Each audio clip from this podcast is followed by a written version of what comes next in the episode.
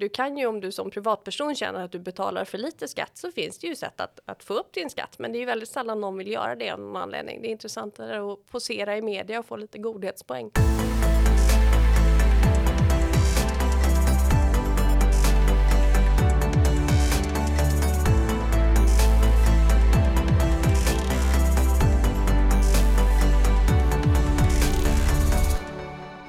Amanda Olstad är chefredaktör för anrika Svensk Tidskrift, public affairs-konsult på Scantech Advisors och tidigare ledarskribent. Tillsammans med Anders Ydstedt har hon skrivit boken Sörjd av ingen, saknad av få. Så blev Sverige ett bättre land utan skadliga skatter, som är en bok om arvs-, gåvo och förmögenhetsskatterna. Varmt välkommen till Uppskattat Amanda. Tack så mycket. Trevligt att ha dig här. I din och Anders Ydstedts bok Saknad av ingen, sörjd av få skriver ni att arv är bra för samhället. Hur menar ni då? Det finns flera dimensioner av det. En av de saker vi säkert kommer att prata mest om idag är ju familjeföretagen och eh, den skadliga påverkan som arvs eh, och gåvoskatten hade på dem. Eh, och där handlar det ju om att man ska ha möjlighet att bygga upp en fungerande verksamhet och det kan ta ett par generationer. Det är ju mycket av det institutionella arvet och kunskapsarvet som försvinner från en firma om man inte har möjlighet att, att driva den vidare inom familjen. Men du har ju också en större dimension där pengar Stora förmögenheter sitter ju sällan bara på en bank. De investeras, de används, de kommer samhället till gagn. Där den privata näringslivet och de privata investerarna har en helt annan möjlighet än stater och offentliga pengar att ta risker, att finansiera forskning, cutting edge, att investera i nya företag, nya branscher som kommer hela samhället del, både forsknings och utvecklingsmässigt, men naturligtvis eh, arbete, skatteinkomster, eh, driva på Sveriges konkurrenskraft. Att pengarna stannar i Sverige och kan fås att arbetas istället för att fonderas för att skydda dem från arvsskatt eller flyttas utomlands gynnar ju Sverige som nation. Mm. Eh, och så det, det, här gamla, vad säger man, ramsan som man brukar ha, vad, vad heter det, förvärva, förvalta, fördärva. Att första generationen förvärvar ett, ett, ett kapital och en, bygger en verksamhet och nästa generation förvaltar och tredje fördärvar. Så ser det sällan ut alltså det förekommer ju naturligtvis, men de flesta är man uppfostrad i en verksamhet och, och driver den vidare så finns det ju ett institutionellt arv. Det finns ju väldigt mycket kunskap. Mm. Det tar tid att bygga upp vissa verksamheter. Allt är ju inte IT-företag som man kan dra igång på en eftermiddag och driva upp på ett par år. Eh, tunga industrier, eh, investeringar i lokaler och verktyg och så vidare är någonting som tar tid att räkna hem. Eh, det finns poänger i att mer än en generation får möjlighet att göra den uppbyggnaden. Men som sagt, även om det är pengar som inte är i en eh, klassisk familjeindustri så är det ju fortfarande pengar som investeras, som används, som går tillbaks in i systemet istället för att låsas in på en bank eller i, i fonder. Mm. För det är ju en tydlig bild man får när man läser er bok att den här eh, nidbilden som ibland målas upp av kvartalskapitalism är är i själva verket just en nidbild och inte särskilt vanligt förekommande utan ganska ofta så, så är många företagare och entreprenörer oerhört långsiktiga och tänker inte bara flera år framåt utan kanske ibland generationer framåt när man driver en verksamhet. Rent krasst så är ju en av våra starkaste drivkrafter att skapa en bättre värld och en bättre framtid för våra barn. Eh, det är ju det många arbetar för eh, långsiktigt och tar man ifrån den möjligheten så finns det ju ett, ett mindre incitament att fortsätta driva företag längre upp i åldern till exempel om man ändå måste leva upp sina pengar. Varför ska man fortsätta arbeta och gneta om man inte kan lämna det efter sig? Varför ska man sträva efter en, en eh, en bättre tillvaro eh, och lämna någonting efter sig om man inte får lämna någonting efter sig. Mm. Så det här stödjer i själva verket en, en, möjligheten att ärva eh, eh, ökar långsiktigheten och minskar kortsiktigheten helt enkelt. Det skulle jag absolut säga. Mm. Eh, arvsskatten eh, hängde ju nära ihop med, arv, med gåvoskatten eh, och de brukar igen, ganska ofta benämnas arvs och gåvoskatten även om det var egentligen två separata skatter men de hörde ju nära ihop därför att man inte skulle då kunna ge bort pengarna innan man kilade vidare och barnen fick ärva utan, så att man skulle kunna skänka dem innan de dog helt enkelt. Men de avskaffades eh, samtidigt 2005 eh, och då retroaktivt till 2004. Varför skedde detta och hur gick det till? Diskussionen i riksdagen det var ju ett ganska långsiktigt arbete. Det hade ju skett ett flertal utredningar, bland annat på Svenskt Näringslivs eh, initiativ. Och det som var den stora knäckfrågan var ju just familjeföretagen. Därför att eh, de stora förmögenheterna, de stora företagen, de har ju alltid möjlighet att antingen flytta allt kapital utomlands och därmed undvika skatterna. Eller att anställa en vådlig massa väldigt dyra konsulter och lägga väldigt många timmar för att planera för det här och planera bort det via olika upplägg med fonder och överföringar och inköp och så vidare. Medan de mindre familjeföretagen drabbades oerhört hårt det var ju ofta ett generationsskifte. Du har en pappa, en morfar, en farfar som har gått bort. Vdn i företaget finns plötsligen inte längre. Så du ska sköta hela arvsskiftet, hela den privata sorgebiten och skaffa ny ledning för ett företag samtidigt som man då ska hantera arvsskatten som ju blev en dubbelbeskattning därför att då var du först tvungen att ta ut pengarna som vinst, beskatta det som vinst och sen betala arvsskatten med det. Eh, det var ett oerhört hårt slag för företagen eh, naturligtvis. Och detta hade då gått upp för de flesta politiker faktiskt. Det var en, en debatt i riksdagen i december 2004 där alla partier var uppe och talade för ett avskaffande av arvsskatten, inklusive Vänsterpartiet som faktiskt var väldigt vältaliga. Och eh, sedan röstade då en enig riksdag emot det här. Och det skedde retroaktivt eh, eftersom man ville att det skulle omfatta tsunamioffren som ju skedde i december 2004 så att de inte skulle drabbas av regler som var på väg att avskaffas. Mm. Så att det, det rådde en, en, eh, inte bara bred, utan en, det var en helt enig riksdag eh, som fattade det här beslutet. Eh, och så låter det inte alltid i debatten idag. Det finns ju många röster som pratar om att arv är orättfärdigt och eh, att, att, att eh, Eh, det, det, här är någonting man tjänar pengar på utan att faktiskt ha åstadkommit någonting. Ligger det någonting i den kritiken tycker du? Det är väldigt teknokratisk syn på det hela där man dels bortser från den anledningen till att det avskaffades och att alla var eniga, vilket var just familjeföretagen. Det pratas en del om att eh, det skulle gå att göra undantag och så vidare. Det försökte man. Det gjorde, jobbade man med i många år och la mycket tid och pengar på att försöka hitta undantag som skulle skona de mindre familjeföretagen. Men det var inte möjligt att skapa en, en rättvis lagstiftning som fungerade på det viset. Och det var därför bland annat Vänsterpartiet till slut beslutade sig för att rösta för ett avskaffande. Men det är också en väldigt instrumentell syn på både pengar och arv. Dels för att det är ju inte, det är ju väldigt få människor som får ärver ett par miljoner i handen. Det är ju pengar som är in, eh, ofta är en del av ett företag, det är fasta inventarier, det, det är tillgångar som inte med lätthet kan realiseras på ett, ett rimligt sätt om man inte säljer verksamheten. Eh, och då är det ju inget enkelt arv eh, som man inte jobbar för utan då är det ju en, verksamhet man ärver och driver vidare. Men det handlar ju också, för det har ju också funnits eh, kritik och förespråkare av arvsskatten från ett, ett liberalt håll om tanken att man ska börja på samma nivå. Eh, men det är ju också en, en, utopi därför att det finns ju så många olika typer av arv och det ekonomiska är ju bara en utav dem ska vi göra allvar och följa den tanken till sitt logiska slut då får vi också förbjuda föräldrar att hjälpa sina barn med läxorna eller förbjuda människor att ha ett privat bibliotek hemma eller förbjuda människor att använda sina kontaktnät eh, för att hjälpa sina barn framåt i livet. För det är ju också en typ av arv. Så även om jämlikhetstanken kan verka lockande så, så följer man till sitt logiska slut så hamnar du i en ganska extrem tillvaro. I, i kombination då med att eh, om du tar ut det här arvet på ett sätt så att fungerande företag slås sönder eller säljs till sämre lämpade ägare så, så är det ändå åstadkommit en, en jämlikhet på bekostnad någon, inte till någons gagn egentligen. För den här skatten har aldrig dragit in särskilt mycket pengar.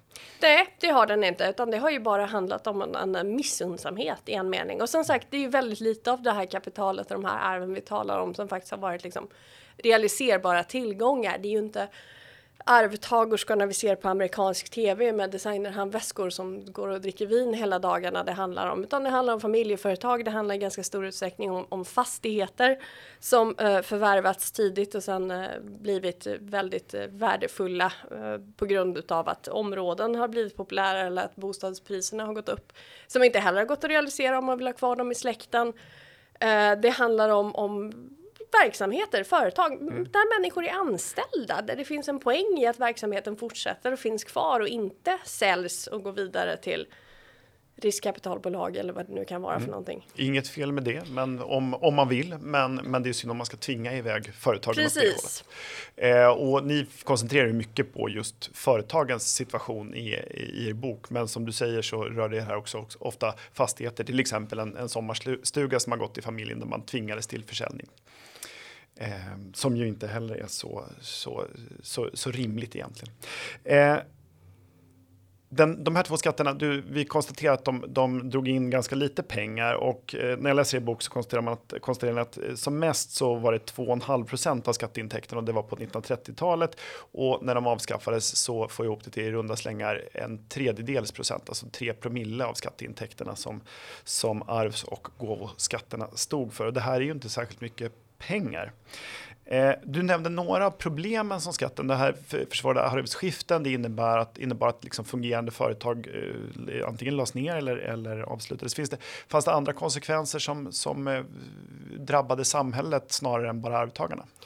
Det drev ju väldigt mycket kapital ur landet, vilket ju var en, en stor förlust eh, det går ju att räkna på det där på, på många olika sätt, men troligen så var ju den här skatten en nettoförlust för statsinkomsterna därför att eh, stora och kapitalstarka företag och ägarfamiljer flyttade ju helt enkelt kapitalet utomlands för att slippa den här typen av beskattning. Eh, och det flyttade ju investeringar utomlands naturligtvis, pengar som hade kunnat investeras i svenskt näringsliv som inte gjorde det. Eh, det innebar ju, jag kommer inte ihåg siffrorna i huvudet, men när Ingvar Kamprad flyttade hem igen så fick ju Älmhults kommun eh, plötsligt ganska mycket större skatteintäkter i kommunalskatten varje år. Det är ju också, det här är ju pengar som som på olika sätt beskattades. Det här var en dubbel eller till och med trippelbeskattning för det här är ju pengar som annars beskattas som vinst eller som inkomst eller när den, när den används och omsätts och den beskattningen försvann ju tillsammans med resten av kapitalet, vilket ju var en stor förlust naturligtvis.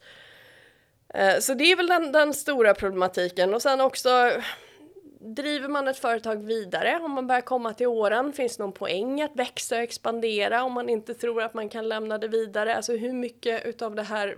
Vi ser ju inte det som aldrig skedde. Nej. Bastian, vad man ser och vad man inte ser. Precis, mm. och det finns ju, det är ju flera stora affärsmän. Familjen Lundberg till exempel som flyttade sin förmögenhet utomlands och där var det ju uttryckligen av rädsla för en så kallad Sally Kirchner-effekt. Och Sally Kirchner var ju arvtagare efter Astra, eh, dåtidens, en av dåtidens största förmögenheter. Men där arvsskatten fastställdes utifrån eh, värdet på grundarens dödsdag och sen sjönk ju naturligtvis aktien som en sten när det blev känt att han hade dött och att arvsskatten skulle betalas och att det skulle komma till ny ledning och så vidare. Vilket innebär att skatten eh, ruinerade dödsbot eh, och eh, Skatten blev helt enkelt högre än, eller i alla fall i, i paritet med hela arvet. Det blev högre än hela arvet ja. så att eh, änkan till en av Sveriges, eh, eller arvtagerskan, änkan till en av Sveriges största förmögenheter blev stående i princip utan ett öre. Och det var eh, då hänvisningen till att eh, fick man en tegelsten i huvudet så skulle det komma en ny Kirchner-effekt av sällan skådat slag och därför valde man att flytta hela förmögenheten utomlands. Tala om en Pomperipossa-effekt. Vi ska prata lite senare om förmögenhetsskatten också, men det är det här som jag tycker är, det finns många intressanta saker med er bok, men en av dem är just att när kapitalet sticker från landet så är det ju inte bara en eh, kappsäck full med pengar som flyttar, utan också så flyttar inte sällan liksom företagsledning ner, eh, verksamheten börjar utveckla eh, ny verksamhet i det nya hemlandet istället. Alltså man växer i mindre utsträckning i Sverige. Nu är många företag globala, men man ser ju att det finns en stor poäng, till, om, eh, stor poäng i att ha huvudkontoret i Stockholm eller ja, någon annanstans i Sverige för den delen. Det är bra för Sverige med huvudkontor, för det finns en massa kringverksamhet som sker.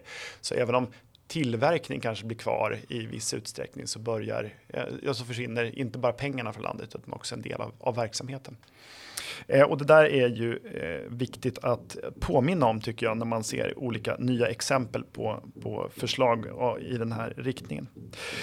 Eh, när alltså gåvoskatten avskaffades så skedde ju det i en stor enighet eh, som vi har nämnt. Men så var det inte riktigt när förmögenhetsskatten avskaffades bara några år senare. Vad, hur såg det ut då? Förmögenhetsskatten är ju på en helt annan sätt än arvsskatten. Eh, en symbolfråga för många delar i det politiska etablissemanget eftersom förmögenhet i sig anses vara någonting fult i delar av den politiska världen. Men även där fanns det ju ändå en relativt bred samsyn över att det framförallt var otroligt komplicerade regler. Du hade ju en liknande effekt där, att det drev kapital ur landet. Det var också en dubbelbeskattning där ägare av företag till exempel var tvungna att ta stora utdelningar som skulle beskattas som sådana för att kunna betala sin privata förmögenhetsskatt. Och man hade ju också ett liknande problem med stigande fastighetsvärden som också beskattades som förmögenhet. Eh, och det var ju ett problem inte minst i eh, skärgårdarna, både på västkusten och i Stockholmsområdet där eh, gamla fiskarhus som hade funnits i familjen i generationer plötsligt var värda miljonbelopp därför att det hade blivit turistorter. Och de pengarna, bara för att man har pengar bundna i en fastighet innebär ju inte att de tillgångarna finns i övrigt. Och det är ju en märklig ordning att behöva driva människor från hus och hem för att de ska kunna betala skatt för ett värde som, som är teoretiskt mm. tills dess att de säljer. Just det, och, och det låg dessutom ovanpå då den fastighetsskatten. Då var det, fastighetsskatten. det var ju en trippelbeskattning. det, var, det var beskattning i många, många olika led. Eh, och Eh, den här genererade inte heller särskilt mycket pengar till, till statskassan. Fyra promille ungefär när den avskaffades. Så det var ju återigen det vi ser och inte ser. Hur mycket kapital drev det ur landet? Hur mycket hade det kunnat skapas i investeringar och andra skatter på det kapital som lämnade på grund av en, en skatt som var symbolisk, eh, som snarare handlar om någon slags politisk moral och eh, markering snarare än en faktisk beskattningsbar inkomst. Ja, och för, för många så låter ju det här med förmögenhetsskatt, för det diskuteras ju ofta och nu eh, läste jag här förleden om någon eh, rik, eh, om hon var tyska eller schweiziska eller österrika, österrik, österrikiska, som ville ha en skatt på förmögna, för hon tyckte att de minsann har råd att betala. Men ganska ofta är det här bundet i antingen fastigheter då, som du nämnde, eller företag. Det vill säga du kan ju, du, du kan ju teoretiskt då tvingas sälja saker för att ha råd att betala skatten. Det var man ju tvungen att göra. Man var ju tvungen att ta utdelningar eh, i ganska stor utsträckning, ta större utdelningar än vad man annars hade gjort mm. för att kunna betala sin privata skatt. Och det innebär ju att kapital försvinner från, från företaget, investeringar minskar, Eh, sen är det ju alltid intressant det där, det går ju att skatteplanera negativt. Det finns ju faktiskt inget som hindrar det. Du kan ju om du som privatperson känner att du betalar för lite skatt så finns det ju sätt att, att få upp din skatt. Men det är ju väldigt sällan någon vill göra det av någon anledning. Det är intressantare att posera i media och få lite godhetspoäng. Just det, just det. Nej men det här tvingar du och, och som sagt tvingas man då ta för höga ut, högre utdelningar än man har tänkt sig så är det ju också, det är som du säger, då investerar man inte pengarna i företaget eh, och får det att växa och skapar arbetstillfällen. Så det här är ju oerhört skadligt för företagandet. Men det är också, var också så att förmögenhetsskatten betalades inte heller av, av, av alla, eh, framförallt inte de rika. Va? Nej, men det är ju alltså skatter drabbar ju aldrig de allra rikaste i princip därför att då har man möjlighet och incitament för det handlar om så enormt stora pengar att flytta kapitalet utomlands. Då blir det ju där man investerar som du säger. Då blir det ju flyttar man förmodligen en del av företaget med sig. Eh, Ikea, detta ursvenska institution, har ju ganska mycket av sin verksamhet i exempelvis Nederländerna. Eh, det vet man inte om det hade skett även om inte Kamprad hade lämnat landet, men man kan ju fundera över hur det hade sett ut. Och du har ju också en helt annan möjlighet. Som stort företag, stort koncern så kan du ju ha anställda jurister och revisorer och skatteexperter som sitter och planerar och flyttar pengar åt dig för att minimera den här effekten. Som eh, driver du ett familjeföretag så har du inte det kapitalet, de möjligheterna. Vilket innebär att det är de som har små förmögenheter inom citationstecken, för det, är också, det handlar ju om pengar som varit bundna i, i företag och i verksamhet som tvingas eh, beskatta, som tvingas betala de här skatterna och eh, offra stora delar av sin, sin verksamhet och sin framtid och sin utvecklingspotential för någonting som de stora drakarna har förmåga att undvika. Just det, för det, det, är en av de saker som framstår som så otroligt cyniskt med de här skatterna, att de allra rikaste inte betalade och att det nästan var medvetet som man konstruerade ett system där de allra rikaste slapp, därför att då hade vi blivit av med alla storföretag i Sverige. Eh, och det är ju riktigt provocerande om man säger att det är dags att, att det var de rika som betalade när det faktiskt var de medelrika som fick stå för notan. Eh, många invänder ju då eh, och säger att vi har höga inkomst, eh, skatter på inkomster och det här borde istället gå till förmögenheter därför att det just är ett passivt ägande eller bara gåvor i form av arv. Eh, men som du beskrev så, så är det här eh, förhindrar det här att, att företag ärvs över generationer och att man kan investera i liksom framtida generationer snarare än att tvingas beskatta bort dem tillfälligt de här 6 miljarderna som försvann från förmögenhetsskatten när den avskaffades, eh, de gav intäkter på ungefär 6 eh, miljarder när de tog slut. Vad fick vi för, vad fick vi för, de, liksom, vad fick vi för de pengarna när vi avskaffade den? Var det en, var det en bra affär för Sverige att avskaffa den? Ja absolut, vi har ju sett de senaste åren att eh, några av de här stora affärsmännen och stora förmögenheterna har börjat återvända till Sverige. Och vi ser ju inte alls den effekten på de nya förmögenheterna som skapas, att de lämnar landet. Eh, så att investeringsmässigt så, så att behålla kapitalet i landet är ju faktiskt ett egenintresse. Eh, därför att det utvecklas mer, det växer mer, det skapas arbeten och det skapas eh, ny verksamhet inom landets gränser istället för att skrämma, skrämma iväg dem. Mm. Ni visar i boken också där att eh, efter man avskaffade de här skatterna så ökade från 2000 så har skatteintäkterna eh, reglerat för inflation ökat med eh, då för två år sedan 650 miljarder tror jag Eh, så att trots att skattetrycket har sjunkit från nästan 50 till 43 procent så, så har skatteintäkterna ökat och en delförklaring är ju naturligtvis de här avskaffade eh, förmögenhets, eh, arvs och gåvoskatterna. Det säger ju sig själv att 4 promille av de totala skatteintäkterna eller 2-3 som för arvsskatten. Det är ju inga pengar i sammanhanget i jämförelse med vad som kan skapas genom investeringar, genom att nya företag startas och stannar i landet. Därför att då har du ju dels beskattning på den verksamheten, på uttag och vinst. Du har ju också anställningar, skapar ju arbetstillfällen, beskattade löner, verksamheter eh, överhuvudtaget. Alltså det är så enorma kringeffekter eh, av det här.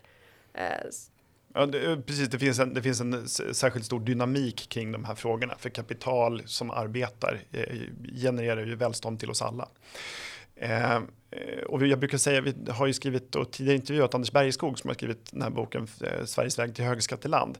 Eh, det man kan konstatera där är att väldigt många av de svenska stora storföretagen och industrierna är grundade då Eh, eh, tidigt 1900-tal, alltså i vågen efter liberaliseringarna som Gripenstedt gjorde. Eh, och sen så är det ganska tomt på nya stora företag och det är först efter de här skatterna har avskaffats som vi börjar se nya teknikunder i liksom Klarna och Spotify och Mojang och sånt där. Så det, det, sker ju ett, det finns ju ett ny, eh, ja, det finns ett, ett, stort nytt intresse för att starta och driva företag i Sverige snarare än någon annanstans.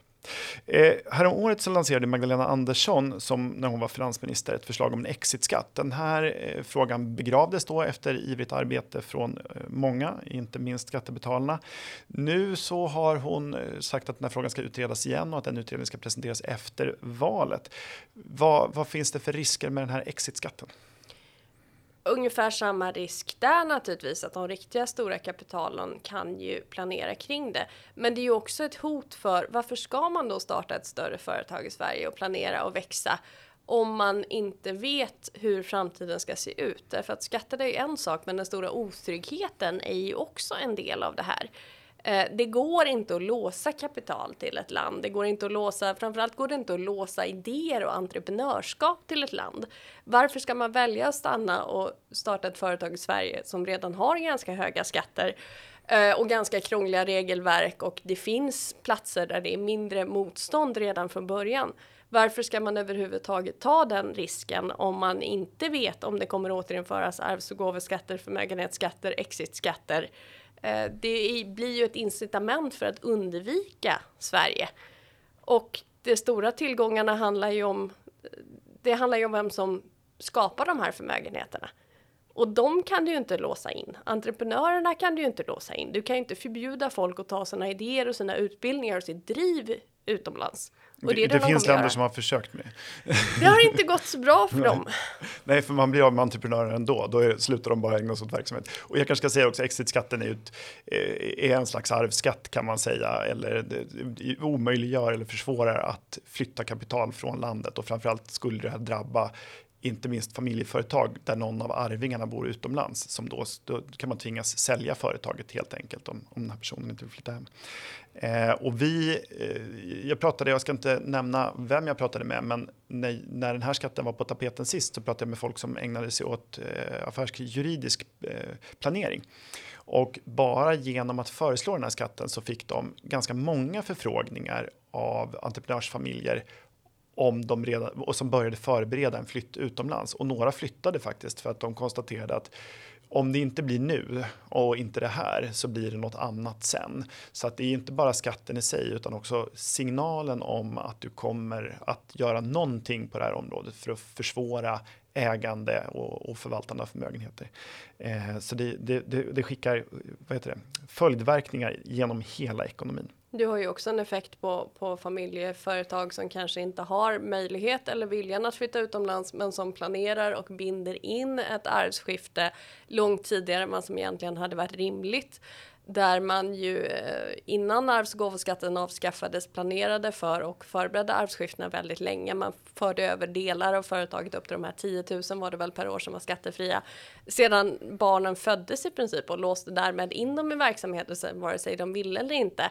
Man var tvungen att förbereda och genomföra arvsskiften innan arvingarna kanske var redo eller överhuvudtaget intresserade för att undvika den här situationen. Det tar ju enormt mycket kapacitet och resurser, både ekonomiskt men också kraft och energi som hade kunnat läggas på att utveckla verksamheten. Eh, och det är ju någonting som man gör därför att det är alternativet. Man är rädd för att den här typen av, av skatter ska återinföras och då riskerar man, ja då får man antingen ta höjd för det med alla de negativa effekterna eller riskera att förlora sitt livsverk. Mm.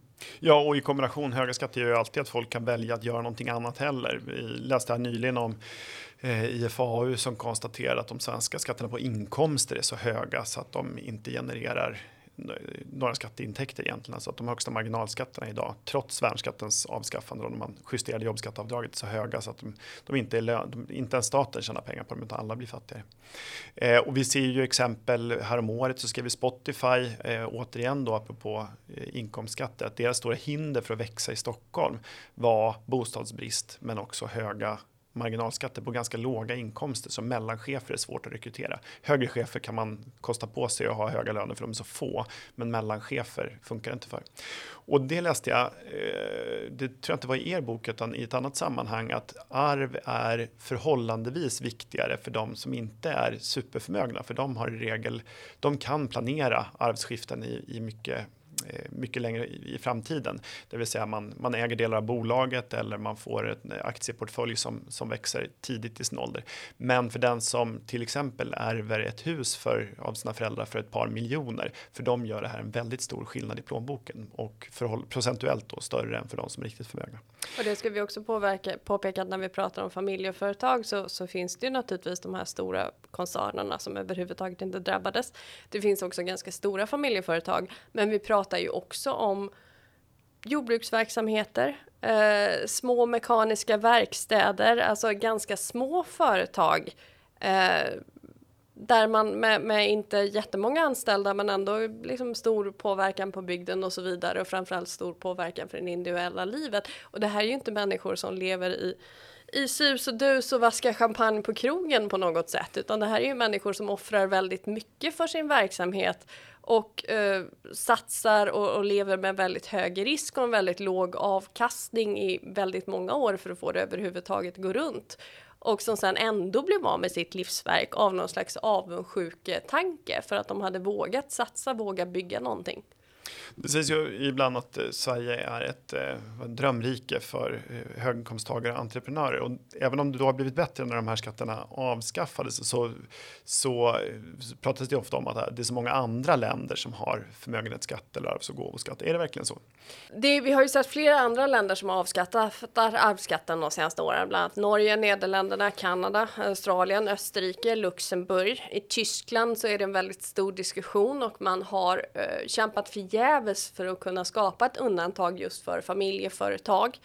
Inte lyckats. Eh, och det, det, är ett stort problem där och en stor politisk diskussion om det. Vi har faktiskt gett ut delar av boken på just eh, tyska eh, som en del i den debatten. I andra länder har man ganska stora fribelopp. Man har också undantag för det var ju, fanns ju olika skatteklasser även i Sverige. Men i många andra länder har man helt och hållet undantag för make, makar och eh, barn när det gäller till exempel familjeföretag och, och bostäder.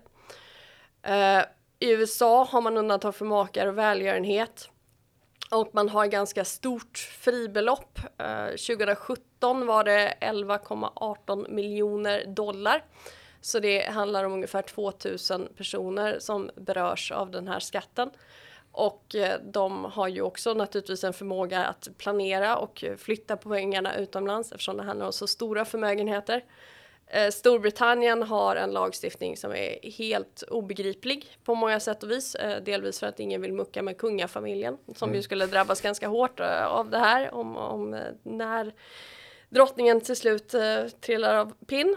Eh, så att det, det, är ett sammelsurium av, men det är inte så enkelt som att alla andra har det som man ibland diskuterar och det finns väldigt stora undantag och handlar om höga fribelopp. Mm. Nej, och sen är det ju eh, överhuvudtaget frågan när vi ser hur lite pengar den gav i intäkter och tvärtom då med, med dynamiska effekter när folk flyttar hem och utvecklar sin verksamhet istället för att lägga ner eller dra, dra till skogs. Så, så är det klart att även, även om andra länder skulle göra dumma saker så finns det ju ingen anledning för oss att göra det. Det är ju en moralskatt och det är ja. uttalat både när den har diskuterats tidigare i Sverige när man diskuterat avskaffande och sänkningar eh, under eh, årtiondena innan det faktiskt avskaffades och när man diskuterar ett återinförande. Det är ju ingen som argumenterar för ett införande av arvsskatt för statskassans skull.